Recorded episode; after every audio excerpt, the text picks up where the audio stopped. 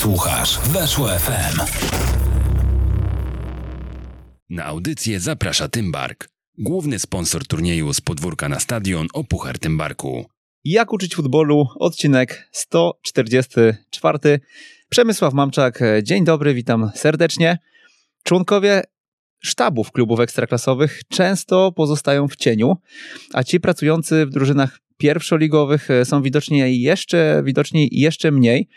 Od jakiegoś czasu Jak uczyć futbolu próbujemy jednak odkrywać e, stopniowo ich warsztat i dzisiaj no, spróbujemy odkryć e, warsztat kolejnego człowieka, który długo w pierwszej lidze i w ekstraklasie funkcjonował, obecnie pracuje na poziomie Ligi Trzeciej. Grzegorz Mokry, cześć. Cześć Przemku, witam Ciebie, witam wszystkich słuchaczy. Witamy Ciebie również. E, długa podróż za Tobą. Przyjechałeś e, aż z Legnicy do Warszawy, ale, mm, ale nie przypadkiem przyjechałeś z tej Legnicy, bo dzisiaj prowadzisz zespół rezerw Miedzi, prawda?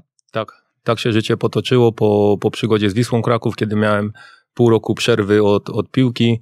E, propozycję objęcia miedzi dostałem już wcześniej w trakcie rundy, na nią się nie zdecydowałem, ale po ponownym telefonie od dyrektora sportowego e, zdecydowałem się, że, że może czas spróbować swój warsztat jako, jako pierwszy trener po prostu. No właśnie, bo wcześniej byłeś znany jako asystent. Ja sobie tutaj rzucam już e, na twoją CV-kę e, okiem. E, asystent trenera Artura Skowronka w Ruchu Radzionków, Pogoni Szczecin, Polonii Bytom, Widzewie Łódź i w GKS-ie Katowice. Długo razem z trenerem Skowronkiem do tych pewnie wydarzeń, do tych czasów wrócimy na pewno. No i później asystent trenera Dominika Nowaka, z którym również w Igrach Suwałki, Miedzi, Legnica pracowaliście razem. No i w Wiśle Kraków jeszcze byliście z trenerem z Skowronkiem, dobrze? Tak. tak. No właśnie, to jakoś, jakoś mi tutaj to uciekło z tej notatki. E, no i co z tym, e, z tą zmianą? Kiedy poczułeś, że to jest ten moment, że, mm, no, że trzeba chwycić e, za żagle i, i wypłynąć na ekstraklasowe, za chwilkę może, może pierwszoligowe wody? Nie, myślę, że to nie tak do końca, że ja już zdecydowałem, że na pewno będę samodzielnym trenerem już do końca, do końca swojej pracy. Po prostu moim zdaniem taki, przyszedł taki czas na mnie, kiedy dla Dominik miał pracę w Koronie Kielce i już zbudowany swój sztab.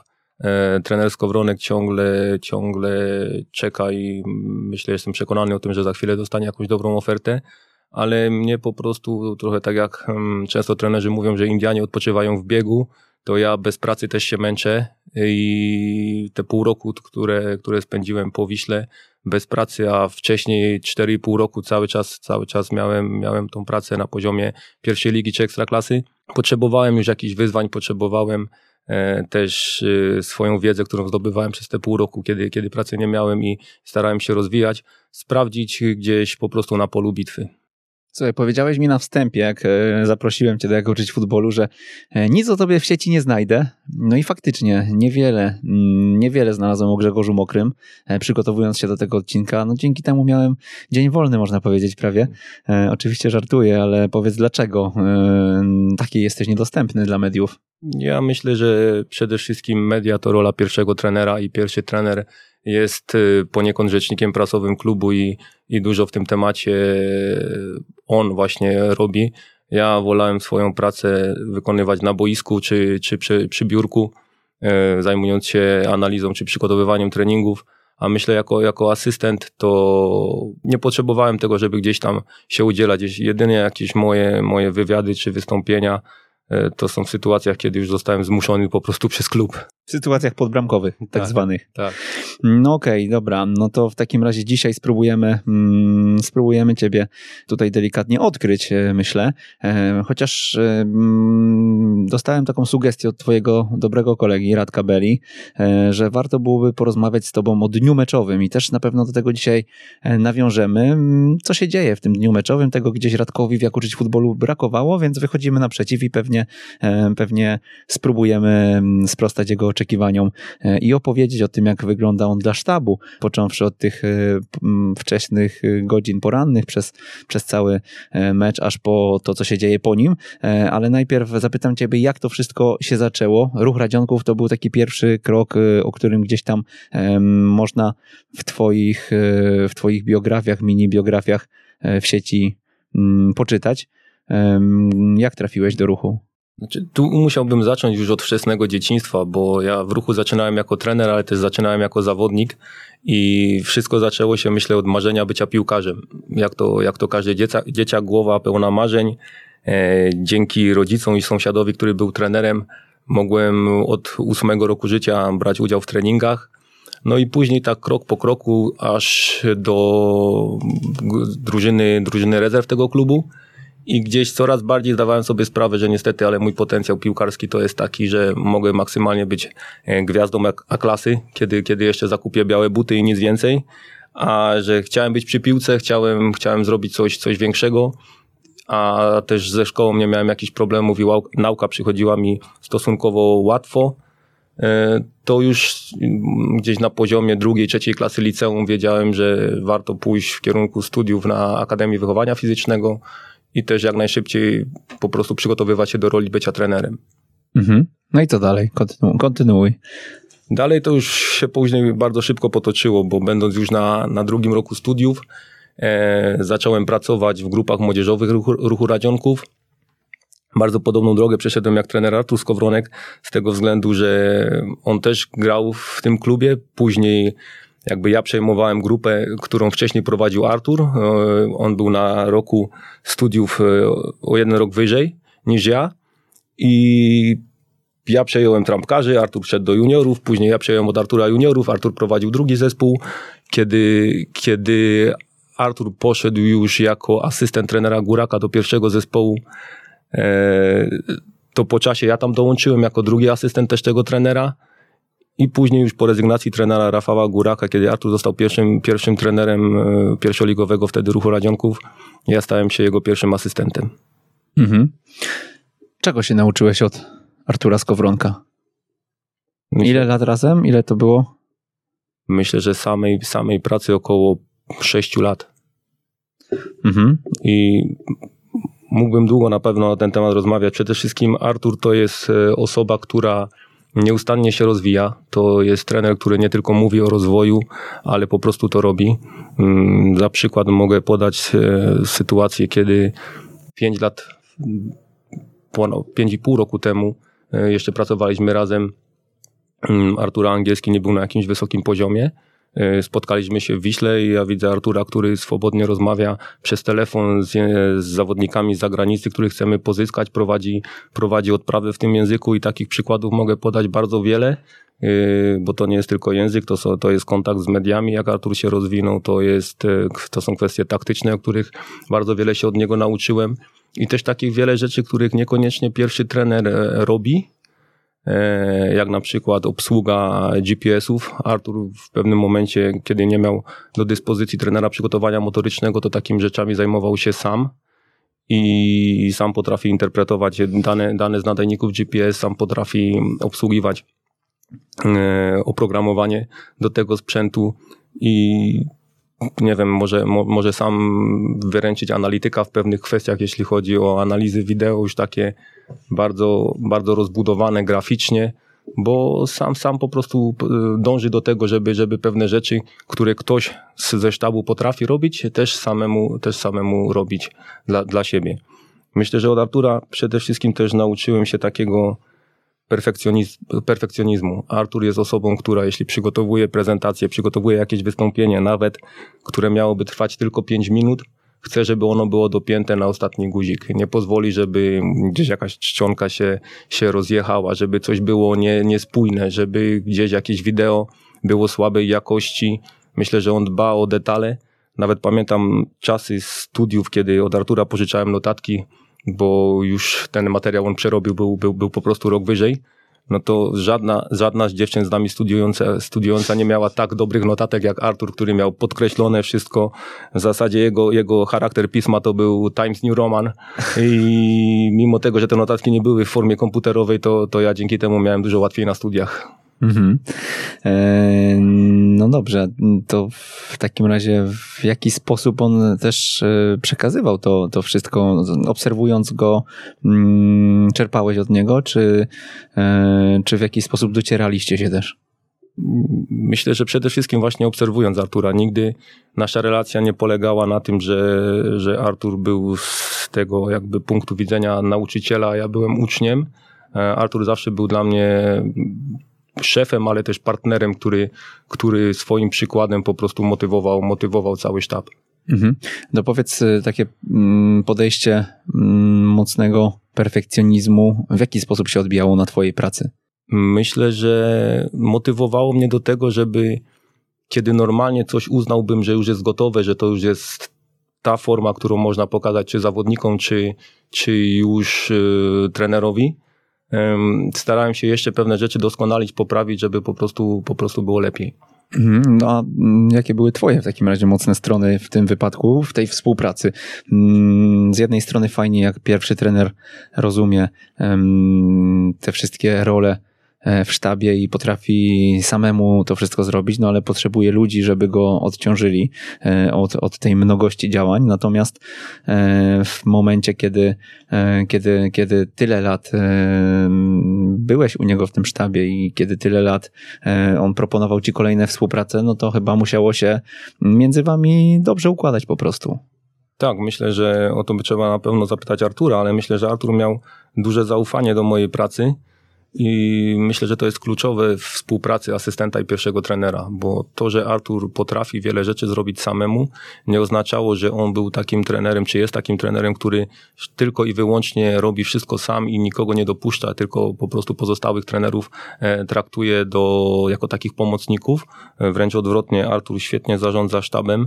Chociażby w ostatniej pracy w Wiśle ja nie pamiętam takiego momentu, że ktoś ze sztabu nie wiem, siedział pół godziny w pracy i miał czas niewypełniony, po prostu czekał, aż pozostali członkowie sztabu e, zakończą swoją pracę, bo on nie wiedział, co ma robić. Myślę, że te nasze role w sztabie były jasno podzielone, klarowne i w czasie, kiedy trener przygotowania motorycznego na przykład prowadził zajęcia na siłowni, e, Dominik Dyduła, analityk, wiedział wszystko, co, co on musi przygotować na koniec dnia. Ja jako asystent wiedziałem, co, się, co potrzebuje do zrobienia, e, jeśli chodzi o pracę na treningu, na boisku. To samo trener Kmiecik, to samo Damian Salwin jako psycholog, więc ten Artur potrafi wiele rzeczy zrobić sam, ale też potrafi doskonale delegować y, zadania do, do poszczególnych członków sztabu. Dzisiaj jaki sztab posiadasz w trzeciej lidze? Mm, posiadam tak naprawdę trenera bramkarzy, posiadam, posiadam asystenta, posiadam jednego fizjoterapeutę, który jest full time u mnie i, i jeszcze jednego, który, który jest dochodzący na mecze. I pozostali członkowie mojego sztabu to już są ludzie, którzy są związani z Akademią Miedzi i nie są tylko i wyłącznie u mnie, ale ja mogę jak najbardziej z nich korzystać. To jest trener przygotowania motorycznego, który, który konsultuje i ustala program całej Akademii i też y, pomaga, pomaga w drugim zespole. Dodatkowo są to analitycy, jest ich akurat dwóch, którzy są odpowiedzialni za taki program rozwoju indywidualnego, który, który wdraża Akademia Miedzi i tych zawodników najzdolniejszych kontraktowych e, obejmują taką opieką i wspierają, jeśli chodzi o analizy i tak samo, tak samo oni współpracują z drugim zespołem. I też ten sztab ma tak wszystko perfekcyjnie poukładane, wiedzą e, jaki jest zakres ich obowiązków. Myślę, że wiedzą, ale też, też warto ich zapytać. Słuchaj, powiedz jeszcze, mm, dobra, to inaczej. O trenerze Skowronku powiedzieliśmy, no to przechodzimy do trenera Nowaka, bo to też kawał historii e, twojej, prawda? Tak, z Dominikiem przepracowaliśmy, e, pracowaliśmy tak naprawdę w dwóch klubach, ale też to był długi czas, bo w Miedzie Legnica trzy lata i, i w Suwałkach niespełna dwa. Mhm. Podobnie Czyli jak... prawie drugie tyle, co z trenerem Skowronkiem. Tak, tak. Podobnie jak z Arturem, e, od Dominika nauczyłem się, się bardzo dużo. E, nie są to tylko kwestie takie związane z boiskiem, typu taktyka. Dominik jest, jest wręcz fanatykiem taktyki i mogłem się bardzo dużo od niego uczyć. Sposób chociażby, jak on analizował e, zespoły Ligi Włoskiej, później przedstawiał je nam jako, jako członkom sztabu, tak samo zawodnikom. Ale przede wszystkim zauczyłem się od Dominika, myślę, takich jakby cech, które, które są specyficzne dla niego, typowe. On na przykład nauczył mnie trochę mm, takiego myślenia może sercem, trochę takiej intuicji. Ja pamiętam, jak jeszcze pracowała pani prezes Martyna Pajączek e, w Miedzi Legnica i ona czasami przychodząc do nas do sztabu mówiła mm, coś na zasadzie cześć serce, cześć, cześć rozum. I absolutnie nie chodziło o to, że gdzieś ja byłem mózgiem tej operacji, broń Boże nie, ale nasze dyskusje polegały na tym, że ja argumentowałem swoje jakieś tam wybory, decyzje cały czas na zasadzie statystyk, e, analizy wideo, jakichś subiektywnych danych motorycznych, a Dominik mówił, e, co mu podpowiada intuicja, co mu mówi taki trenerski nos i bardzo często miał rację, przekonywał mnie do swoich racji, mimo tego, że ja początkowo myślałem, że, że pewne decyzje są może nawet nieracjonalne, nie wiem, może podam przykład taki, który, który może to zobrazować. Kiedy mieliśmy problem duży na środku obrony, e, straciliśmy sporo bramek, zawodnicy popełniali sporo błędów, do tego jeszcze doszły kartki, kontuzje. Dominik zasugerował, żeby zagrali, żebyśmy może zmienili taktykę, zagrali trójką środkowych obrońców. I dla mnie, dla takiego człowieka, który jest mm, bardzo taki pragmatyczny i szuka gdzieś uzasadnienia, mówię, Dominik, jak? Skoro my ledwo co mamy, mamy dwóch, gdzie jeszcze jeden trochę gra z konieczności, bo to nie jest jego naturalna pozycja, pozostały jest kontuzjowany, żeby grać, żeby grać trójką, to potrzebujemy minimum czterech, bo jeszcze jeden z tych, z tych dwóch jest zagrożony kartkami. Teraz wszystko odwrócimy do góry nogami, bo wcześniej tej taktyki nie ćwiczyliśmy, a, a za chwilę przy kartce dla tego zawodnika znowu nam się sprawa skomplikuje i tak dalej, i tak dalej. A Dominik z dużym spokojem mówił, słuchaj, jeśli mamy dwóch średnich, to tak naprawdę w przenośni mamy jednego dobrego. Jeśli będziemy mieli trzech średnich, bo przerobimy zawodnika z innej pozycji, to już mamy prawie dwóch dobrych. I, i, i zobaczysz, oni jakby wzajemnie się asekurując, jeden drugiemu pomoże i sama zmiana systemu nad, doda im pewności, i dzięki temu możemy poprawić, bo już jest tak źle, że gorzej nie będzie. I jakby wypisz, wymaluj, jego słowa się sprawdziły, bo niektórzy zawodnicy, którzy byli kontuzjowani, od razu ta pauza za kartki minęła, wrócili i lepsi zawodnicy i też taka wiara w zespole i naprawdę ten, ta zmiana systemu e, bardzo, bardzo nam się, nam się opłacała. E, Dominik też jakby nauczył mnie takiego optymizmu. Jego optymizm udziela się sztabowi, jego optymizm też udziela się zawodnikom, myślę. I nie zawsze to było poparte jakimiś takimi, nie wiem, argumentami, ale po prostu mm, Dominik miał taki dar, że potrafił rozładować atmosferę albo dodać pewności siebie, czy, czy sztabowi, czy zawodnikom. I też od razu mi się nasuwa taki przykład, kiedy graliśmy mecz e, z zespołem na poziomie pierwszej ligi, który bardzo dobrze otwierał się e, od własnej bramki, gdzie bramkarz jak na poziom pierwszoligowy to naprawdę Ter Stegen rozgrywał, rozgrywał super nogami. I toczyliśmy dyskusję wewnątrz sztabu, czy w ogóle warto podchodzić i atakować wysokim pressingiem tego bramkarza, skoro i on i tak dobrze się otworzy, to jest jego mocna strona, my możemy stracić przez to jednego zawodnika z tego, z tego naszego ustawienia i, i będzie nam trudniej bronić. I Dominik nagle ni stąd, ni zowąd wkroczył do tej dyskusji i mówi, nie martwcie się, ja z nim pracowałem, ja znam tego bramkarza, bo i to była prawda oczywiście. I mówi, on jest super, ale co piąty mecz popełnia błąd. My tak popatrzyliśmy na siebie, ja już z Dominikiem pracowałem w Suwałkach, to, to wiedziałem, co jest grane, a chłopaki, którzy, którzy dopiero spotkali się z Dominikiem w Legnicy, patrzą jeden na drugiego, mówi, czy to prawda, czy to w ogóle, co trener teraz chce powiedzieć. Mówi, zobaczycie, która jest teraz kolejka? No piąta no to zobaczycie. Nie zmieniamy nic w swojej taktyce, gramy to, co było zaplanowane, tak? No i oczywiście, bo, bo ta historia ma, ma happy end, e, przegrywaliśmy 1-0 w tym meczu, nie chcę wymieniać przeciwnika też, żeby, żeby, żeby ten bramkarz nie, nie poczuł się jakoś urażony. E, przegrywaliśmy 1-0, wyrównaliśmy na 1-1 po oczywiście błędzie bramkarza, który, który prostą piłkę wypuścił z rąk. E, Ostatecznie mecz skończył się naszym zwycięstwem 2-1. W poniedziałek rano już o 8, jak cały sztab się zbiera, Dominik nos do góry, pokazuje na niego, mówi, widzicie panowie, trzeba słuchać doświadczenia trenera. Piąty mecz, ale powiem wam więcej, teraz przerąbani, przerąbane mają te następne drużyny, bo znowu do dziesiątej kolejki on będzie top. I, i, i jakby te, wiele takich rzeczy, które, które teraz mówię i one brzmią jak żart, one się sprawdziły i im więcej takich rzeczy się sprawdza, bo to, to, to oczywiście mówię w formie żartu, ale było wiele takich rzeczy, które, które dotyczyły taktyki. Jeśli tak zagramy, to wtedy to przyniesie nam określone, określone korzyści. Jeśli zrobimy w pewien sposób, nie wiem, jakieś rozegranie stałego fragmentu gry na dany rodzaj obrony, to też dzięki temu y, możemy, możemy zdobywać bramki. Im więcej takich rzeczy się sprawdzało, tym myślę, że rosła taka wiara i drużyny, i sztabu, że to jest, że to jest dobry kierunek, który, który Dominik wyznaczył. Mhm. No, myślę, że ciekawe mm, spojrzenie. E, a jak tym optymizmem zarażał, jeszcze zapytam, bo mm. no pewność ciebie usłyszeliśmy jakąś tam historię, ale, ale mm, takie nastawienie do życia pozytywne po prostu, to, to tym się zaraża, tak, prawda? Tak, ja myślę, że że Dominik to po prostu jest osoba, która, która ma różowe okulary w przenośni i, i świat widzi w różowych barwach. Mm, też mam. I to przy, się udziela. To się udziela, sztabu, to, to się udziela i sztabowi, tak, i, i, i drużynie, ponieważ Dominik tym wszystkim jest naturalny. On nie udaje kogoś, kim, kim nie jest. On potrafi z siebie żartować. Jeśli popełni jakąś gafę, to nie ma problemu, żeby, żeby cała drużyna się śmiała i on nie widzi w tym żadnych przeszkód.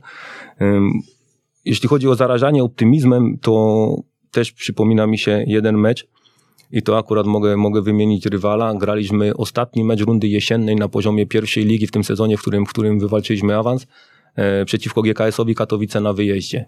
Mecz e, był słaby w naszym wykonaniu, jeszcze czerwona kartka e, i graliśmy w 10 już od pierwszej połowy, skończyło się naszą porażką. Przyjechało sporo, sporo kibiców z Legnicy i po tym meczu spadliśmy na czwarte miejsce. Celem był awans, e, tylko pierwsze dwa miejsca mogły awansować. I jak to zawsze po meczu razem z zawodnikami poszliśmy podziękować do tych kibiców. No i kibice wyrażali w taki sposób nie jakiś bardzo, bardzo ostry, ale swoją krytykę, co teraz będzie, czy my w ogóle awansujemy, jak to zawsze, czy chłopakom się chce, czy oni w ogóle chcą awansować. I w pewnym momencie, kiedy już te rozmowy dobiegały końca, drużyna już poszła w kierunku szatni, Dominik podchodzi do kibiców i mówi panowie, ja wam gwarantuję, awans będzie na 100%. A jeśli nie będzie awansu, to mnie tutaj nie będzie. Ja patrzę na Dominika, mówię okay. ci kibice, ja mówię, jak oni teraz zareagują, co, co to oznacza? Nie minęło 5 sekund, Dominik otrzymuje od kibiców czapkę, Miedzi Legnica, otrzymuje szalik, cały sektor skanduje Dominik Nowak, i takie duże wsparcie, jakby te nastroje zupełnie się odwróciły. No ale ja znowu moje, moje przemyślenia i trochę taki może trochę pesymizm. Już wracamy autokarem i mówię, Domino, no okej, okay, ty powiedziałeś, że będzie awans, ale skąd masz taką pewność? My możemy grać super, możemy, może będziemy wygrywać mecz za meczem, zabraknie nam jednego punktu, teraz to już jest dla nas wyrok śmierci, zajmy, będziemy, będziemy na trzecim miejscu i co wtedy? A Dominik mi mówi, też, to myślę, to wynika z ogromnej jego, z jego dużego doświadczenia i też z wiedzy, mówi, słuchaj, jak zajmiemy trzecie miejsce, to tak nas nie będzie i tak nas nie będzie. A, a prawda jest taka, że zobaczysz, od pierwszego meczu na wiosnę kibice nam pomogą, będzie nam łatwiej i dzięki temu też drużyna będzie, będzie, będzie, miała, będzie miała po prostu łatwiej, szczególnie w meczach u siebie. I też no, prorocze słowa, bo od pierwszego meczu na wiosnę, gdzie wygraliśmy wtedy z Odrą Opole, skoczyliśmy na te miejsce już drugie premiowane awansem. E, w kolejnych kolejkach e, wdrapaliśmy się na szczyt i już do samego końca byliśmy na pierwszym miejscu, gdzie ten stadion się też wypełnia, wypełniał z meczu na mecz. I no ja mówię, nie pracując z Dominikiem, nigdy bym o czymś takim nie pomyślał, bo nie chciałbym dawać obietnic, które zawsze myślę, a, a nuż, że się nie uda ale myślę, że te jego zagranie w bank to było coś, co mówimy, że jeśli ktoś nie ryzykuje, nie pije szampana, tak? Dominik w pewne, pewnym momencie wiedział, kiedy zaryzykować, co gdzieś powiedzieć, a to też przyniosło, przyniosło nam i drużynie duży, du, du, duży sukces. No, wbrew pozorom tutaj jest więcej rozumu niż serca akurat tak, w tym tak, zachowaniu i takiej kalkulacji oczywiście. E, taktyczne jego podejścia tak. powiedzmy do, do tych ludzi, którzy was później wspierali z trybun. Tak. A powiedz, bo mm, tak jak mówiłem o tych materiałach w sieci, e, no nie ma praktycznie nic o tobie, ale coś jednak jest. Ja znalazłem mini kurs, kilka webinarów z Radkiem Belą, e, gdzieś w okresie pandemii wykorzystaliście chyba chwilę. On wykorzystał twoją chwilę i zaprosił cię. Podlinkujemy ten kurs oczywiście on jest darmowy i, e, i można go sobie odsłuchać o roli asystenta. W zasadzie inaczej, ja go nawet rzucę tutaj e, w całości szachimat.com, rola asystenta trenera w piłce nożnej i e, jego podlinkujemy do tego odcinka. No i o tej roli tam opowiadasz i mówisz właśnie o przeciwieństwach, czyli o tym, że najczęściej pierwszy trener i drugi są takim swoim przeciwieństwem. Teraz jak, jak opowiadasz serce, rozum, e, pesymizm, optymizm, no to słychać, że gdzieś to koreluje.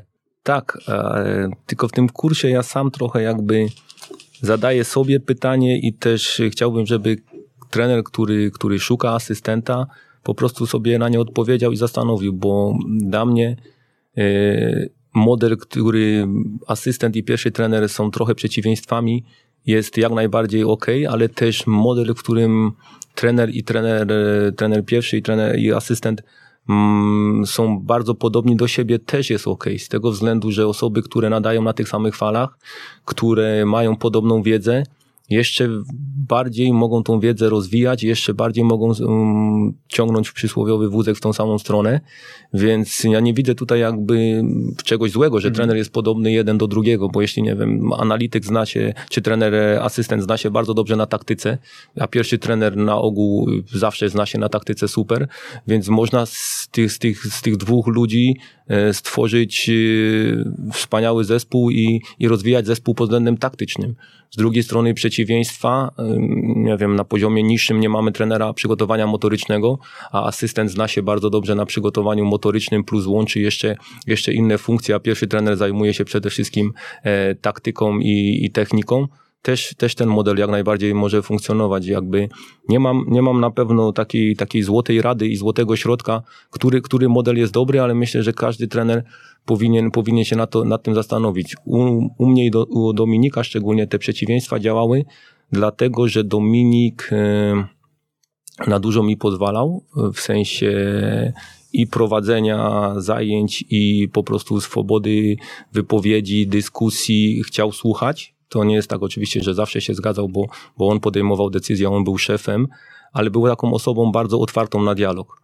Myślę u trenera, który, który jest e, bardziej zamknięty, u trenera, który chce decydować o wszystkim, który, który ma inny charakter.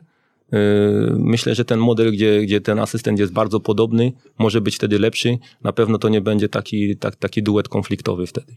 Mhm, rozmawialiśmy yy, nie tak dawno temu mm, na studiach podyplomowych rozumienie gry z Pawłem Drexlerem i z Marcinem Pogorzałą. E, to są trenerzy, mm, asystenci w LKS-ie Łódzi. Oni zwracali mocno właśnie uwagę podczas tych zajęć, że najlepszym e, takim momentem i takim, e, aspektem w pracy w sztabie jest e, ten moment, kiedy trener pozwala ci poprowadzić jakąś część treningu, jakiś środek treningowy. Jeżeli czujesz, że no codziennie jakiś, jakiś tam fragment możesz e, z drużyną e, przepracować, no to czujesz, czujesz się znacznie bardziej członkiem tego sztabu. Potwierdzasz? Oczywiście. Myślę, że dobrym przykładem jest takie powiedzenie, spotkałem się z tym, kiedy, kiedy byliśmy na wymianie trenerów jeszcze podczas kursu UEFA Pro w Nionie w Szwajcarii i jeden z trenerów powiedział coś takiego na temat, żeby swój sztab traktować jak tą roślinę, że od czasu do czasu trzeba, trzeba go podlewać, w sensie takim, że każdy z, z członków sztabu ma, ma swoje ambicje, chce się realizować jako trener, chce czuć się ważnym członkiem tego zespołu, zarówno kiedy są sukcesy, ale też kiedy jest porażka, też y, wa warto w takim sztabie rozmawiać i, i nawet pewne, pewne zadania, pewne role e, oddać niektórym członkom sztabu, bo może warto coś zmienić. I kiedy, kiedy czy to asystent, czy trener przygotowania motorycznego, czy trener bramkarzy e, czuje się ważnym członkiem sztabu, odgrywa ważną rolę, powierza mu się zadania, które z tygodnia na tydzień może są, może są inne, może są poniekąd bardziej skomplikowane. Myślę, że on w tym momencie może się realizować jako trener. To prowadzenie jednostki jest takie charakterystyczne, nie? bo jednak jakby nie patrzeć, e, no trafiamy naprzeciw piłkarzy, którzy no, mają e, silne osobowości zazwyczaj i mm, w starciu z nimi, że tak to ujmę, e, no jakoś wypadamy albo e, lepiej, albo gorzej i bez praktyki chyba nie da się tego wykształtować i, i, i gdzieś tam terminując, próbując, e, myślę, że każdy z nas czuje, e, że może samego siebie przetestować, tak? Tak, dokładnie tak to wymaga doświadczenia. Im, im wyższy poziom, myślę, roz, im wyższa klasa rozgrywkowa, tym, też te ego piłkarza jest, jest e, większe.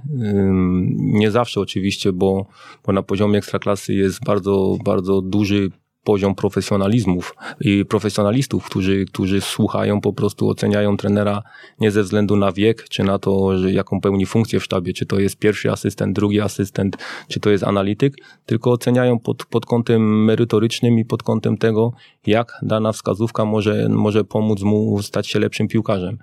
Myślę, dobrym modelem jest coraz bardziej takie popularne prowadzenie wspólnie treningu na zasadzie coachingu pierwszego trenera,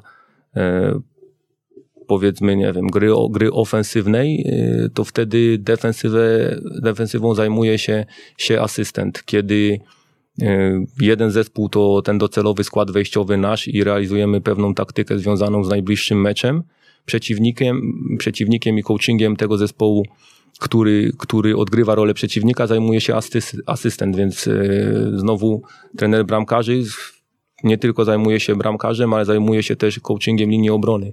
I myślę, w ten sposób każdy, y, każda z osób, która jest zaangażowana w ten trening, czuje się, czuje się ważna, odgrywa ważną rolę. I wydaje mi się, że też zawodnicy czują, że trenerzy o nich dbają, bo, bo każdy z nich podczas jednego treningu może usłyszeć jakieś, jakieś uwagi odnośnie swojej gry, jakieś podpowiedzi, a myślę, że myślę, że to jest ważne, żeby o nich nie zapominać, nie tylko o tej podstawowej jedenastce, ale też pamiętać o całym zespole. Powiedz, jaki to jest dobry asystent? Wydaje mi się, z mojego punktu widzenia, dobry asystent to asystent, który, który jest przygotowany. Bo kiedy pierwszy trener musiałby co chwilę kontrolować asystenta, i kiedy nie ma przekonania, czy jego um, zadanie zostało wykonane w 100% tak, jak chce pierwszy trener, to, to pierwszy trener nie potrzebowałby asystenta. Myślę, że, że asystent, który, który jest przygotowany, i tutaj to, to jest bardzo szerokie określenie, bo to też zależy, czego wymaga pierwszy trener, ale, ale kiedy, kiedy ten pierwszy trener zadania, które mu powierza, wie, że w 100% będą wykonane należycie i to dotyczy nie tylko pierwszego asystenta, ale to dotyczy wszystkich członków sztabu szkoleniowego, wtedy pierwszy trener ma mniej pracy, a my tak naprawdę jako, jako członkowie sztabu byliśmy po to, żeby pracować na rzecz trenera, drużyny, klubu, a nie, nie dla samego siebie, tak? Powiedziałeś Radkowi, że asystent powinien być lojalny i pracowity. Myślę tak, myślę, że tak, z tego względu, że no, lojalność to coś takiego jest w piłkarskiej szatni, jak, jak mówi się o wieczorach kawalerskich, tak, że co Vegas zostaje Vegas i, i to, samo, to samo jest y, czy wewnątrz sztabu szkoleniowego, czy, czy czasami wewnątrz piłkarskiej drużyny. To te rzeczy, które ja tam opowiadałem związane czy z Arturem, czy z Dominikiem, to, to oczywiście ja mam pełną zgodę y, tych trenerów, żeby o tym mówić, ale nigdy, jak sam, jak sam podkreślałeś już na wstępie naszej rozmowy, ja się nie udzielałem gdzieś w mediach, nie wychodziłem przed szereg, nie chodziłem do, do właściciela czy do, do, do rady nadzorczej na jakiekolwiek rozmowy, bo to była, to była rola i, i zadanie pierwszego trenera. Nigdy, nigdy jako asystent nie, nie, nie, nie próbowałem uprawiać jakiejś, jakiejś swojej polityki. A pracowitość, no niestety nasz zawód jest nienormowanym czasem pracy i, i bardzo fajnie o tym mówił Piotr Tworek, że to nie chodzi o pracoholizm, ale chodzi o to, że można można skończyć, kiedy po prostu dane zadanie jest skończone i czasami ta nasza praca wymagała 10 godzin pracy w przeciągu dnia, czasami może tylko 6, a czasami nawet 12 i, bez tego e, wydaje mi się, że nie ma sukcesów. Mhm, przed audycją rozmawialiśmy e, o Twojej drużynie. Powiedziałeś o e, jednym z piłkarzy bardziej doświadczonych. Przyznam szczerze, się zdziwiłem, że on tam jeszcze u Was występuje i e, zapytałem Cię, czy, czy właśnie szykuje się do roli szkoleniowca. Ty powiedziałeś, on jest rozsądny, on się już najeździł. Najgorszy zawód świata. To jak to jest z tą trenerką? To były jego słowa, czy Twoje? To były jego słowa, ale myślę, że ma, ma, ma sporo racji wiadomo o kogo chodzi, bo ja mam jednego doświadczonego piłkarza, a reszta, reszta to, to, to młodzi zawodnicy. Tu przychodzi mi od razu na myśl wywiad z trenerem Lęczykiem, ja go nie, nie, zacytuję, nie zacytuję dokładnie, ale, ale chodziło o to, że to jest zawód dla głupca z tego względu, że w decydującym momencie najmniej od ciebie zależy. Poświęcasz temu całe życie, przygotowujesz się wiele, wiele godzin, a w pewnym momencie niestety, niestety przypadek czy brak szczęścia może spowodować, że twoja, twoja kariera zawodowa się pójdzie zupełnie, zupełnie w innym kierunku, więc to tylko dlatego tak pół żartem, pół serio powiedziałem, jakby zgodziłem się, może nie ja powiedziałem, ale zgodziłem się, zgodziłem się z tym zawodnikiem, aczkolwiek nie zamierzam z tego zawodu rezygnować i, i, i już myślę, że, że pójdę w tym kierunku do końca. To powiedz, co jest w nim takiego uzależniającego? Przede wszystkim myślę, że tutaj chodzi o emocje, bo każdy mecz dostarcza tych emocji bardzo wiele, każdy trening dostarcza tych emocji mniej, ale też, też sporo. Jest to kontakt z ludźmi, nie tylko z drużyną, ale też y, i z kibicami, i z pozostałymi pracownikami klubu. Mm, jest to też sport, który ja po prostu bardzo kocham, nie tylko w tej formie takiej profesjonalnej, ale po prostu w każdej. Ja bardzo, bardzo lubię być blisko sportu. E, sam w jakiś amatorski sposób lubię go uprawiać. I myślę, że połączenie tego wszystkiego i też oczywiście popularność piłki nożnej, bo na temat piłki rozmawiają, rozmawiają wszyscy. Może, może nie wszyscy, tylko mi tak się wydaje, bo, bo ja praktycznie z wszystkimi niestety e, rozmawiam tylko i wyłącznie prawie, że o piłce. Więc myślę, że, że jakby tu, tu, tu, tu kryje się odpowiedź. Emocje plus e, no, kontakt z ludźmi. To powiedz jeszcze, jakie były e, Twoje role w sztabach, e, w których pracowałeś, gdybyś wymienił swoje zakresy obowiązków i przejdziemy do tego dnia meczowego, myślę. Przede wszystkim byłem, byłem asystentem, pierwszym asystentem pierwszego trenera, co niezależnie od wielkości sztabu przekładało się przede wszystkim na pracę na boisku i pracę pracę związaną z treningiem. I tu niezależnie, czy pracowaliśmy na poziomie drugiej ligi, czy na poziomie ekstraklasy, ta rola jakby się nie zmieniała. Yy, więc przygotowywanie zajęć treningowych, planowanie mikrocykli, yy, kwestie też związane z analizą, ale tu już ta rola się zmieniała w zależności od tego, jak szeroki był sztab. I przede wszystkim rozmowy i planowanie strategii na mecz, planowanie taktyki, planowanie składu, to w dużym stopniu mnie dotyczyło. Oczywiście pierwszy trener e, o tym decydował o, zestawieniu personalnym ostatecznie, ale wiele, wiele rzeczy konsultowaliśmy. A jeśli chodzi o pozostałe role, to już trzeba by rozmawiać dokładnie w zależności od klubu, jak szeroki był sztab. Na początku naszej drogi, nawet na poziomie pierwszej ligi, nie mieliśmy z Arturem trenera przygotowania motorycznego, więc te akcenty motoryczne mm, przygotowywaliśmy wspólnie. E, nie mieliśmy do dyspozycji analityka, więc tak samo dzieliliśmy analizy, czy nasze, czy, czy przeciwnika między siebie, e, zarówno całego zespołu, jak i formacji, te analizy indywidualne. Więc, więc tych, zadań, tych, tych zadań było sporo. Im sztab, im sztab był szerszy, tak jak na przykład w Wiśle, gdzie, gdzie poza mną był, był jeszcze jeden asystent y, bardzo doświadczony i znany trener, trener Kmiecik, plus do tego jeszcze był psycholog, plus był analityk Dominik Dyduła, plus był świetny trener przygotowania motorycznego Piotrek Jankowicz. E, bardzo szeroki sztab medyczny, super kierownik, Jarek Krzoska bardzo doświadczony, więc jakby te za... pracy wcale nie było mniej, ale ona była już dużo bardziej e, że tak powiem, precyzyjna. E, dużo bardziej można było się skupić na szczegółach i stricte na, na, swojej, na swojej działce, na swojej dziedzinie. E, I też oczywiście to powodowało z jednej strony, że każdy miał swoją specjalizację, ale też cały sztab, kiedy się spotykał rano, miał, miał dużo, dużo, dużo tematów do, do, do wspólnych dyskusji. Mhm. Jak twoje spojrzenie na futbol ewoluowało w czasie, bo tak sobie myślę, mm, no przeżyłeś e, sporo, mało miałeś przerw w okresie ostatniej dekady. E, byłeś, byłeś w wielu klubach, e, przy różnych, tak jak sobie zdążyliśmy omówić, trenerach, e, przy różnych sztabach, liczniejszych, mniej licznych, na poziomie i ekstraklasy, i pierwszej ligi, i drugiej ligi. Teraz jesteś w trzeciej lidze. Jak to, jak to postrzegasz w ogóle? Jak, co się zmieniło w ogóle? Czy jesteś w stanie dotrzeć do takich, mm, do takich czasów odległych? Mm, jak najbardziej. Myślę, że zmienia się to wszystko z sezonu na sezon, z roku na rok i, i ta piłka cały czas jest inna. Ja tak żartobliwie powiem, ja trochę rozdzielam piłkę i poziom, nie chciałbym też nikogo urazić, tylko poziom, na którym ja miałem przyjemność pracować, e, porównując tą piłką, którą oglądamy w telewizji, czyli, czyli najwyższy poziom światowy, e, Liga Mistrzów czy, czy ostatnie, ostatnie Euro, bo patrząc już tam, jak ta piłka wygląda obecnie, jeśli chodzi o przygotowanie i motoryczne, i techniczno-taktyczne, mental zawodników, no wspaniałe przykłady, mm, zespół, zespół Danii i, i tragiczne wydarzenia na pierwsze, pierwszego meczu, ale też reakcja zawodników. E, myślę, że piłka nieustannie się zmienia. Dobrze to opisuje chociażby książka Gegenpressing i Tiki Taka, jak na przestrzeni lat ta piłka ewoluowała. Ja pamiętam jeszcze już odległe czasy mm, Ajax Amsterdam e, z Litmanenem, e, jaki to był futbol, czy zachwycałem się już później znacznie e, właśnie tiki taką i, i sposobem gry Barcelony Guardioli a teraz chociażby to co, to, co zrobił zespół Leicester, wygrywając mistrzostwo, zupełnie inna strategia, e, ale bardzo skuteczna, e, czy sposoby, sposoby gry, takiej bezpośredniej, tak jak to mówi Jurgen Klopp, taki rock and roll piłkarski.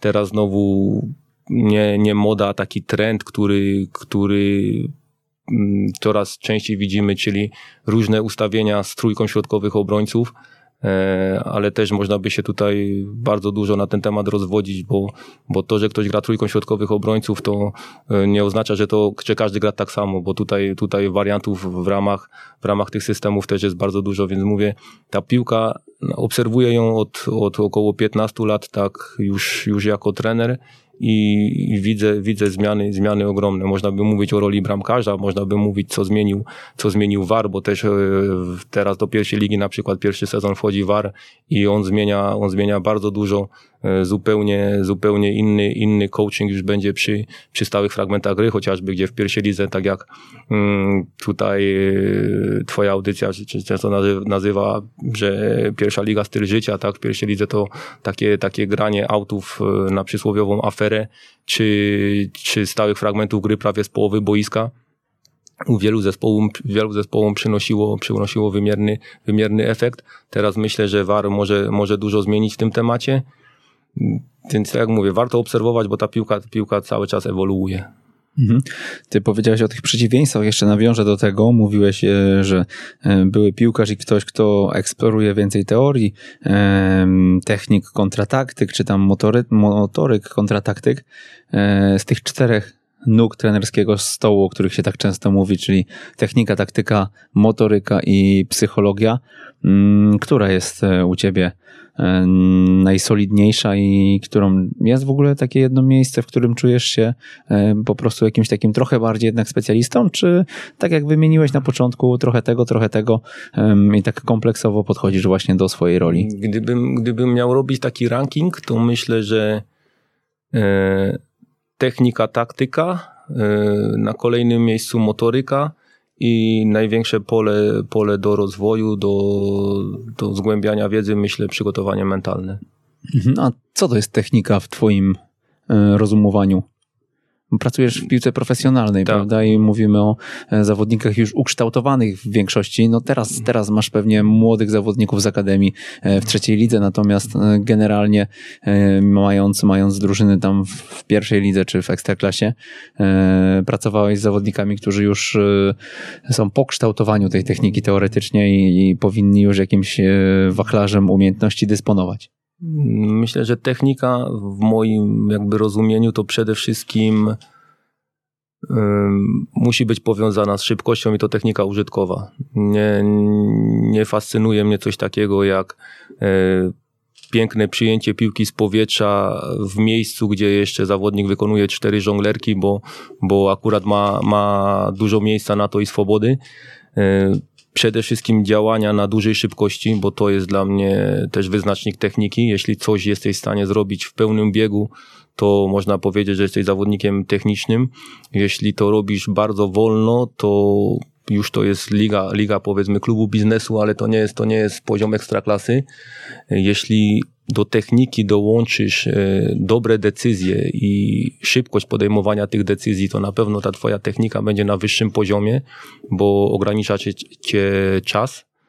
E, przykłady techniki mogę, mogę dać bardzo różne. Na przykład pracując z takimi zawodnikami jak, jak Peteri Forsell czy, czy Eddie Andradina, to spotkałem w całej jakby swojej, swojej pracy tylko dwóch takich zawodników o takich umiejętnościach strzału do bramki i, i takiej technice uderzenia, gdzie, gdzie u Ediego to była perfekcyjna jedna noga, lewa, gdzie, gdzie też słyszałem porównania, że Eddie ma, ma nogę jak, tako, jak ułożoną jak taka rakietka do tenisa, czy do rakieta do tenisa, czy rakietka do, do tenisa stołowego, bo każdą częścią stopy potrafił uderzyć piłkę w punkt. Znowu Peteri no, do perfekcji opanował sztukę strzału lewą czy prawą nogą. To jest zawodnik, który był w stanie kopać słabszą nogą zewnętrznym podbiciem i, i, i dawać takie podania na 30-40 metrów, więc y, to był zawodnik z punktu widzenia tylko tego jednego aspektu, jak strzał do bramki, dla mnie, dla mnie techniczny, ale też to się wiązało z szybkością, bo, bo Peteri podejmuje błyskawiczną decyzję o uderzeniu, i potrafi je wykonać bardzo szybko, a nie był to taki zawodnik, który potrzebuje e, bardzo długiego nabiegu, potrzebuje zastanowienia się i ten strzał dopiero oddaje, oddaje po jakimś czasie. Mhm, a powiedz, w jaki sposób poprawialiście e, tą technikę? To były jednostki jakieś dodatkowe, indywidualna praca, czy, czy gdzieś w treningach e, waszych zespołowych, drużynowych też, też było rozwijane te aspekty? I tak, i tak, jak tak powiedziałeś, w różnych, w różnych formach, bo stosowaliśmy dodatkowe treningi, czy formacyjne, czy pozycyjne. E, w treningu takim, który był dla całego zespołu, bardzo dużo elementów techniki przemycaliśmy już chociażby do rozgrzewki. Mm, każde 10 minut e, techniki w tygodniu, e, dodatkowo, dodatkowo w rozgrzewce to już 70 około minut, minut w jakiej formie w to robiliście? W bardzo, w bardzo różnej, że czy w rozrzewce występowała jakaś rozrzewka grupowa, gdzie dodatkowo były, były wykonywane ćwiczenia prowadzenia, ćwiczenia podań, ćwiczenia e, podań przez, przez różnego rodzaju małe bramki, mm, czy też jakieś formy techniki po dorzucie z powietrza, różnego rodzaju trenażery.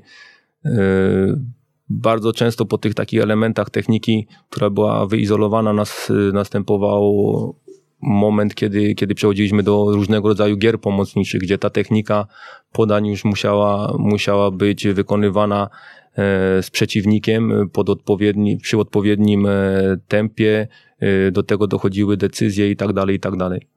Mhm. No dobra, przejdźmy do tego dnia meczowego. E, okiem trenera, mm, do takiego zarządzania meczem, zarządzania mhm. sztabem. E, tak jak mówię, tutaj e, sugestia Radka Beli. Zobaczymy, mhm. co nam z tego wyjdzie, bo on stwierdził ostatnio, że mhm. nigdy o tym nie było, jak uczyć futbolu za wiele, a są to tematy również wartościowe z jego perspektywy. No a ty masz, masz sporo doświadczenia mm, właśnie i tych meczów na koncie z różnymi też osobami, bo to też się pewnie różniło i pewnie też e, do tego dojdziemy. Powiedz, jak taki dzień wygląda, jakbyśmy się skupili już na tej ekstraklasie, mm, na tym najwyższym poziomie, e, kiedy dysponujecie szerokim sztabem, e, kiedy on się dla ciebie zaczyna, mm, jak przebiega, jakbyśmy sobie tak punkt po punkcie spróbowali mm, przez niego przejść. Tu mówiąc żartobliwie, myślę, że Radek wpakował mnie na minę mhm. z tego względu, że ja starałem się tak układać swoją pracę, żeby dzień meczowy to było już jakby zwieńczenie całego tygodnia, żebym nie musiał nic nowego tworzyć. E, to już było podsumowanie całego mikrocyklu, to już był czas, kiedy, kiedy mogliśmy jeszcze raz ewentualnie z trenerami umówić sobie wewnątrz sztabu strategię na mecz, strategię zmian, to, jak może zareagować przeciwnik, jak my zareagujemy na jakieś ewentualnie niespodzianki w sztabie. No dobra, ale, ale to, to jeszcze ułóżmy, nie wiem, zakładamy, że o 18 jest mecz. Sobota, 18 macie mecz i teraz e, jak ta sobota się rozpoczyna?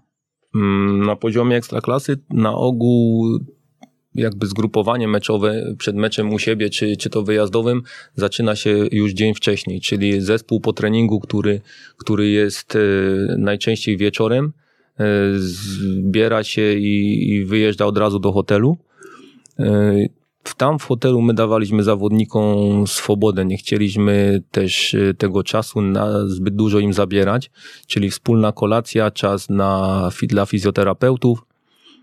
Czasami była jakaś odprawa, ale to była tylko jedna krótka odprawa na ogół pokazująca stałe fragmenty gry, które były już wcześniej analizowane ale na przykład w Wiśle chcieliśmy pokazać jeszcze jakiś stały fragment gry, który był ćwiczony typowo pod przeciwnika na, na treningu w tym, w tym dniu e, ostatnim mikrocyklu, czyli, czyli w piątek.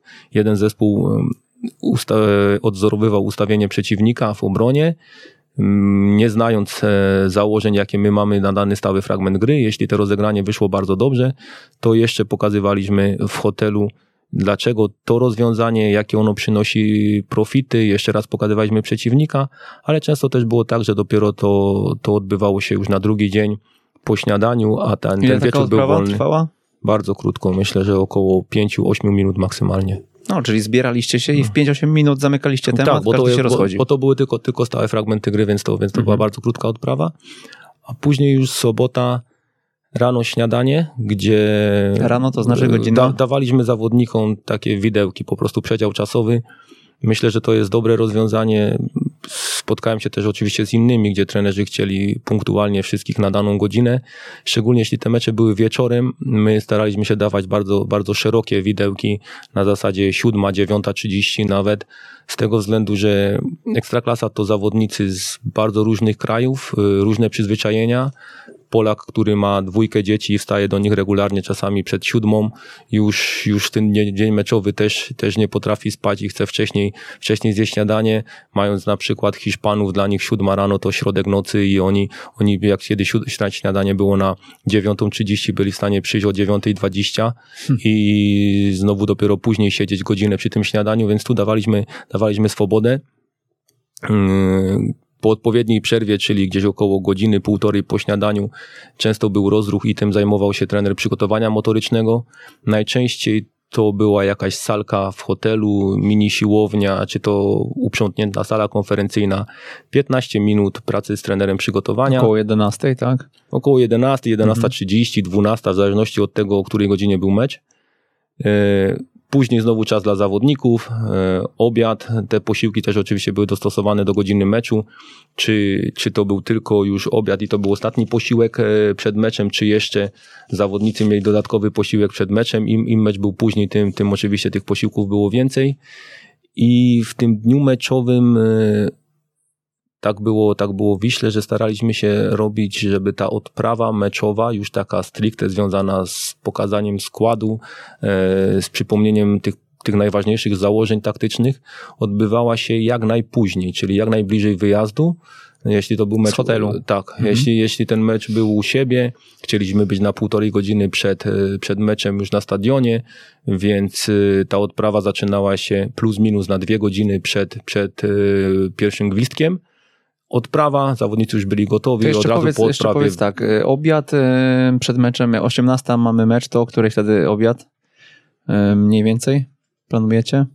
Mm, musiałem sobie dokładnie przypomnieć, bo to już też była kwestia Mhm. trenera przygotowania motorycznego i, i, i, dietetyka, Koło ale plus 14 minus, plus minus około 4 godzin przed meczem, Mhm. tak. No dobra, i o 16 macie tą odprawę i teraz y, jeszcze pytanie, bo opowi- opowiadasz o tym, co się dzieje z piłkarzami tak naprawdę, a e, pewnie naszych słuchaczy też interesuje, co się dzieje ze sztabem.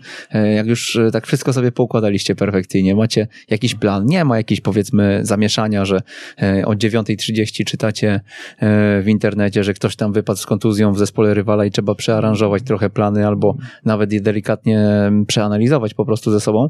E, no to jak, jak e, ten twój dzień wygląda? E, Śpisz spokojnie, czy jednak rozmyślacie, spotykaliście się wieczorami, jeszcze coś tam sobie dyskutowaliście? Mm, raczej śpię spokojnie. Y, To też nie jest tak, że oczywiście zachowujemy tylko i wyłącznie spokój i nic nas nie interesuje, co dzieje się u rywala. Y, U nas y, bardzo dużo informacji dostarczał nam analityk Dominik Dyduła, który, który cały czas śledził internet, który też każdy z trenerów, jeśli miał jakieś kontakty, gdzieś mógł zadzwonić, popytać. Jeśli na przykład kluczowy zawodnik, występ kluczowego zawodnika stał pod znakiem zapytania, próbowaliśmy te informacje zdobyć do ostatniego momentu. Jako sztab siadaliśmy na, na, na wspólną taką, tak, tak, taką, taką naradę, żeby ustalić jeszcze raz jakby po kolei scenariusz, który, który planujemy na mecz i bardziej takie, takie rzeczy, które, które są trudne do przewidzenia, jak, jak reagujemy. To już było takie wąskie grono e, trenerów, przede wszystkim na czele z pierwszym trenerem, z trenerem bramkarzy, z trenerem, z trenerem asystentem. E, dodatkowo jeszcze, jeszcze analityk, który, który oglądał mecz e, z wysokości trybun i, i był odpowiedzialny za materiał wideo.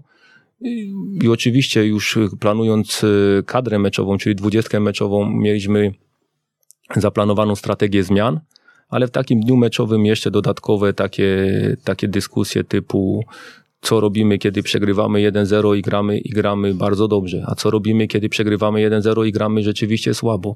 Co jeśli przeciwnik zaskoczy nas, na, nas taktyką, czy zmieni system gry, czy po prostu zmieni zupełnie swoje, swoje podejście i sposób prowadzenia, prowadzenia walki sportowej. To mieliście kilka takich e, stałych właśnie scenariuszy wypisanych, e, co się dzieje, czy jak to wyglądało? Bo to mnie interesuje, na ile to było szczegółowe.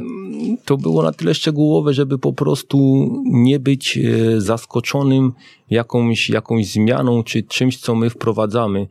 Też ja na przykład przygotowując stałe fragmenty gry, yy, mogłem się spodziewać większości zmian, kto za kogo i przede wszystkim musiałem być przygotowany do takich zmian, kiedy wchodził zawodnik e, zupełnie o innych, e, o innych parametrach, szczególnie jeśli chodzi o, o grę w powietrzu. Mhm. Tak? Jeśli nie mieliśmy wysokiego, silnego napastnika, który pełnił kluczową rolę podczas obrony przy stałych fragmentach gry, zarówno rzucie rożnym, czy rzucie wolnym i wchodzi za niego na przykład niski skrzydłowy, który, który zupełnie, zupełnie się nie, odnajdu, nie odnajduje broniąc, broniąc polu karnym. Więc jakby te rzeczy musiały być w jakiś sposób zaplanowane y, jak to w piłce nie da się wszystkiego zaplanować, yy, można się przygotowywać na 100 scenariuszy, a, a zdarzy się ten 101, ale staraliśmy się ile tylko to było możliwe przewidzieć.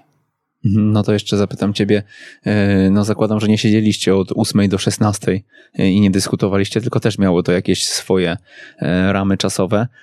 Rano co, jakaś przebieżka, żeby trochę głowę odświeżyć, czy? Na, naj, najczęściej dyskutowaliśmy po kolacji, Mhm. I jeszcze, jeszcze po śniadaniu. Później to też był taki czas, że pierwszy trener potrzebował e, skoncentrować się na, na tej odprawie, którą, którą prowadzi na meczu, też na, na swoich przemyśleniach. To nie jest tak, że my siedzieliśmy właśnie, mhm. jak powiedziałeś, od rana, od rana do wieczora. Kwestia przebieżek to Wiśle, Wiśle nie, bo też nie, nie było takiej, takiej możliwości. Nie było z kim biegać. Nie, może ktoś by się znalazł. Piotr Jankowicz na pewno dałby się namówić i biegaliśmy sporo, ale no pomyśl, po, po pomyślenicach, e, po treningu. Ale po prostu hotel był w samym centrum, my też bardzo koncentrowaliśmy się na meczu. Ale pamiętam z, z Dominikiem w Legnicy i też podczas meczów wyjazdowych to, to, to sporo było tego biegania z tego względu, żeby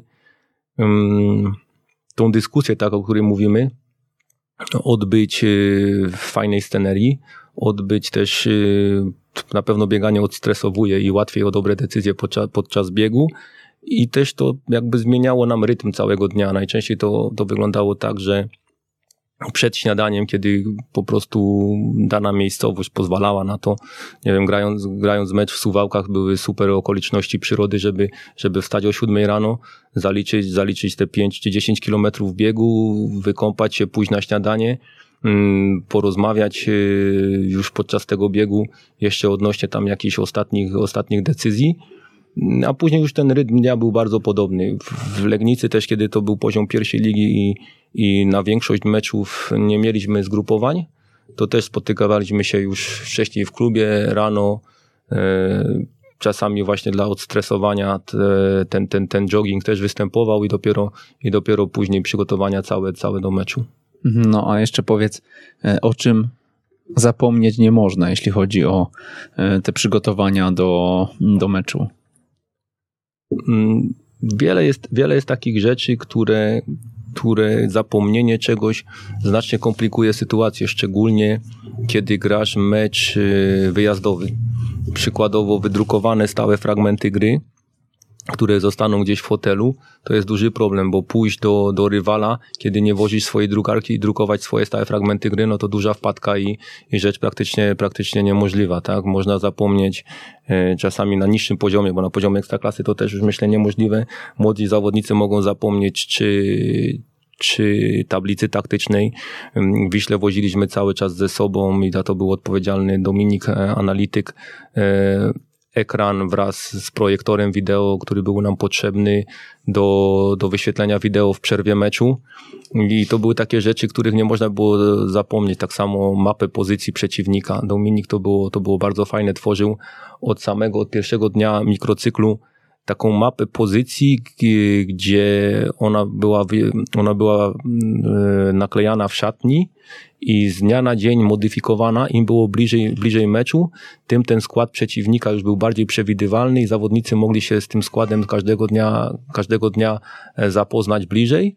I to też była taka, taka rzecz, którą, którą Dominik zabierał ze sobą do szatni, gdy już mieliśmy protokół meczowy i mogliśmy się utwierdzić tylko, czy te nasze przewidywania były, były słuszne, to wtedy już Dominik modyfikował tą, tą e, mapę pozycji tak, że, że nasi zawodnicy widzieli, widzieli dokładnie pierwszy skład e, z taktyką, e, z wiodącymi nogami, z rostami i tak dalej, i tak dalej przeciwnika. Mhm. Powiedz a propos tego projektora, dlaczego nazywano cię chodzącą fabryką kabli? A, to z Legnicy myślę, to z, to z Legnicy myślę, bo w Wiśle już tak nie było, bo właśnie tą fabryką był e, Dominik, a w Legnicy to ja byłem tą fabryką kabli, tak, bo powoziłem ze sobą wszystkie, wszystkiego rodzaju możliwe przejściówki, ładowarki, mm, kable typu HDMI i inne, żeby po prostu w hotelu też nas nic nie zaskoczyło, kiedy Teraz nowe laptopy na przykład mają już tylko wejścia HDMI, a w hotelu jest stary rzutnik, stary projektor, stary mhm. projektor i już nam nie pasuje, czy to nie mamy, nie, nie mamy przejściówki. E, dodatkowo swoja drukarka, bo może, bo może pani w recepcji pracuje, pracuje albo pracowała kiedyś, kiedyś w klubie, przeciwko któremu gramy. E, dodatkowo kwestie związane z tabletem, gdzie, gdzie oglądaliśmy dane, czy to motoryczne, czy, czy jakieś statystyki i do tego, do tego ładowarka dwa komputery, bo jeden, jeden był duży do obróbki wideo, drugi, drugi mały do, do właśnie śledzenia, śledzenia czasami meczu na żywo już na ławce, więc tych rzeczy trochę, trochę, trochę takich, takich technicznych trzeba było ze sobą zabrać. Miałeś jakąś checklistę do tego?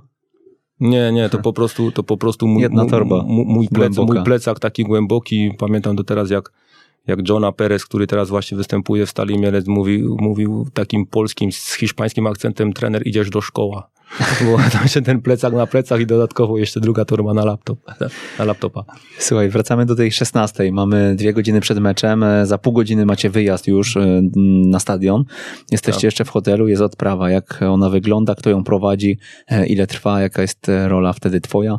Mm to też w zależności od tego, od tego, na jakim byliśmy etapie i z kim pracowałem, ale mogę hmm. się odnieść do tego, do tego ostatniego etapu i pracy, pracy z Arturem. Przede wszystkim to już była rola pierwszego trenera. On prowadził, on prowadził tą odprawę. To była odprawa, która była krótka, to już nie było jakiś, to już nie był jakiś długi wykład. Y, przede wszystkim wyjściowy skład, przede wszystkim przypomnienie podstawowych założeń taktycznych, gdzie, gdzie podstawowych często, to znaczy co? Często korzystaliśmy y, z jakby połączenia naszego treningu i zapisu wideo z treningu y, i analizy przeciwnika. Czyli jak gra przeciwnik i pokazanie, jak my chcemy zagrać przeciwko, przeciwko tej drużynie. I to były takie, takie krótkie filmy, gdzie, gdzie było dodanych też sporo, sporo efektów graficznych, bardzo, bardzo czytelne. E, przykładowo nałożenie naszego systemu gry na system gry przeciwnika. Jak przeciwnik na przykład e, ustawia się do pressingu wysokiego, jak my chcemy otwierać. Jak przeciwnik gra w pressingu niskim, jak chcemy złamać ten blok obrony. Mm, jak my chcemy bronić e, przy otwarciu przeciwnika. Jak oni się ustawiają przy otwarciu, w jaki sposób budują grę i tak dalej, i tak dalej. Więc to były takie krótkie, krótkie wideo, a przez to, że zawodnicy już analizę przeciwnika mieli dużo wcześniej, to co robili na treningu na pewno pamiętali, to już było tylko takie, takie podsumowanie pracy z całego tygodnia. Mhm. Um, ile to trwa mniej więcej, ta rozmowa? Myślę, że około 15 minut. Mhm. I później przechodzicie już do autokaru. Tak. Dojeżdżacie na stadion. I co dalej? Tam już jaka jest e, czyja rola? Trzymajmy się tej Wisły, może tak. i tego ostatniego sztabu. Wiem, że to tak. będzie trudno odnieść do każdego poziomu, na którym pracowałeś. Mm, przede wszystkim e, wejście na stadion, zawodnicy, czas dla siebie, trenerzy. E, pierwsza rzecz, która nas zawsze interesowała, to skład przeciwnika. Kiedy znaliśmy skład przeciwnika, Dominik tak jak już wspominałem, zajmował się tą mapą pozycji już wieszał mapę pozycji do, do przeciwnika. Trener przygotowania motorycznego od razu zajmował się rozgrzewką i przygotowaniem boiska, boiska do rozgrzewki.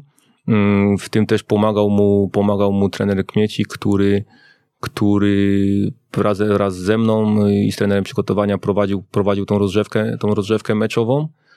E, pierwszy trener, no to już też czas dla siebie, telewizja i takie obowiązki, obowiązki medialne. I tak naprawdę, kiedy te wszystkie rzeczy już zostały zrobione, to, to czas dla zawodników i oczekiwanie na, na, na rozgrzewkę. Tą rozgrzewkę, podobnie jak y, któryś z trenerów, o bodajże trener Piotr Nowak o tym mówił w sposób taki, którym, którym ja się bardzo identyfikuję. Staraliśmy się skracać do minimum, żeby właśnie nie wydłużać objętości y, i tego czasu przebywania zawodników na boisku. Y, I po rozgrzewce to już y, myślę tak jak w każdej drużynie, czas, czas dla zawodników, ostatnie słowa, motywacja, motywacja pierwszego trenera, plus ewentualnie kilka słów y, wypowiedzianych przez kapitana zespołu. No i zaczynał się mecz. Mhm. Widzę, że jesteś na bieżąco, jak uczyć futbolu. Tak cytujesz co jakiś czas trener Tworek, trener Nowak. Tak, tak, staram się być na bieżąco już od jakiegoś czasu. Y, myślę, jak jeżdżę, jak jeżdżę sam samochodem Zamiast 10 y, reklam magnezu w przeciągu godziny wybieram zdecydowanie jak uczyć futbolu. Czyli przebiło jak uczyć futbolu reklamy magnezu. Tak. Jesteśmy, jesteśmy na, dobrym, na dobrym tropie. Okej, okay, to jeszcze jakbyś powiedział te, te ostatnie słowa, które wychodzą przed samym wyjściem E, już y, na boisko. E, ty jako asystent wtedy starasz się trenerowi raczej nie wchodzić e, w tą jego koncepcję, czy, czy jak to wygląda? Nie. To jakby zupełnie była sprawa pierwszego trenera, to była jego koncepcja, to były jego pomysły czasami, jeśli, jeśli Ale pierwszy jesteście, trener... pozostała część sztabu jest w szatni. Tak, tak. Y, jeśli mhm. trener, jeśli trener oczywiście chciał, szukał jakiejś inspiracji, pytał nas, członków sztabu, czy mamy y, do odprawy jakiś materiał wideo, czy, czy chciał zmontować jakiś film motywacyjny, czy dodatkowo potrzebował jakiegoś cytatu związanego y, z danym meczem, to jak najbardziej, ale na ogół te, te ostatnie słowa, które były przed wyjściem, to, to, była, to była praca pierwszego trenera. Mhm. E, no i co potem w trakcie spotkania? Powiedz, lepiej ci się ogląda mecz z ławki czy z trybuny? Mhm. Wiemy, że często takie praktyki są stosowane, że analityk szczególnie idzie wyżej, e, żeby jakieś tam inne może spojrzenie, inną perspektywę przekazywać później sztabowi, prawda? Mm, najlepiej to ogląda mi się mecz z trybun i to najlepiej nie swój. Wtedy, wtedy, wtedy Czyli co, pojawiają się już jakaś nerwówka, tak? W którym momencie? Tam w tym, to oczekiwanie na rozgrzewkę, czy na pierwszy gwizdek? Mm, wydaje mi się, że to jest trochę tak jak e, przed jakimś egzaminem w życiu. Jeśli, jeśli widzisz pytania i znasz odpowiedź, wtedy nerwy opadają, a kiedy, kiedy pytania są bardzo trudne i, i szukasz gdzieś głęboko odpowiedzi, wtedy tych nerwów jest coraz więcej. I podobnie mi się wydaje, że też jest podczas meczu, kiedy zespół realizuje to, co było, było założone, kiedy, kiedy gra naprawdę dobrze, wtedy też trener jest, wydaje mi się, dużo bardziej spokojny a kiedy cały plan się wali, to wtedy właśnie dużą sztuką jest zachować, zachować spokój i taką, taką, taki trzeźwy umysł do dobrych decyzji. Mhm. Ty jesteś przy ławce, rozumiem. Tak. Tylko do tej pory pracując w Suwałkach na początku swojej pracy, kiedy trenerem był jeszcze Donatas Wancewicius, to on chciał na pierwsze mecze, kiedy tam byłem, żeby właśnie oglądać mecz z trybun. Z pozostałymi trenerami zawsze, zawsze byłem na ławce rezerwowych. Mhm. No i co się dzieje między wami? Jak ta komunikacja przebiega? U Radka powiedziałeś, że um, trzeba dostrzegać zmiany taktyki zespołu przeciwnika. W jaki sposób je dostrzegać? Na co zwracać mm, uwagę? No bo tutaj to jest bardzo szeroki tak, też temat. Tak, nie? i tu, tu, tu też można by na ten temat bardzo dużo opowiadać.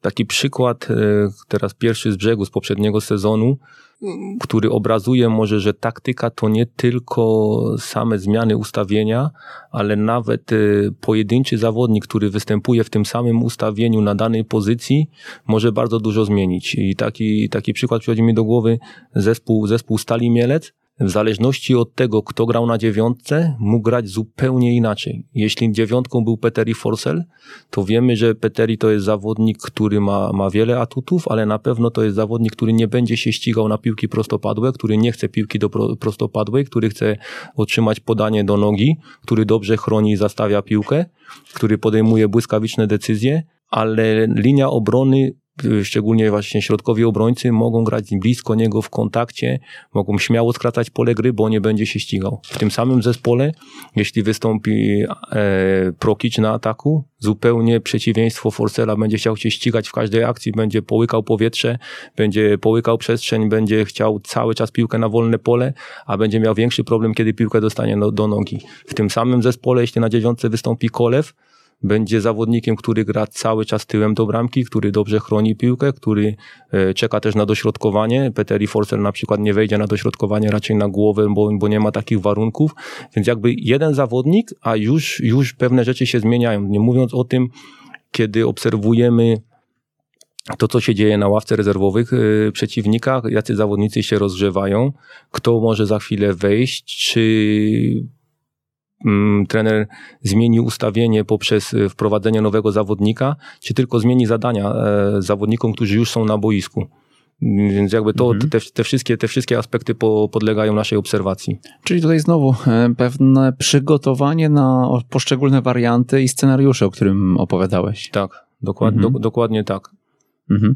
Okej. Okay. I jaka jest komunikacja jeszcze z analitykiem? Jak to e, wyglądało na bieżąco? Czy czekacie do przerwy, gdzieś przed przerwą e, chwila wymiany informacji między wami? E, robiliśmy tak, że ja byłem w stałej łączności z analitykiem, który, który oglądał mecz z trybun.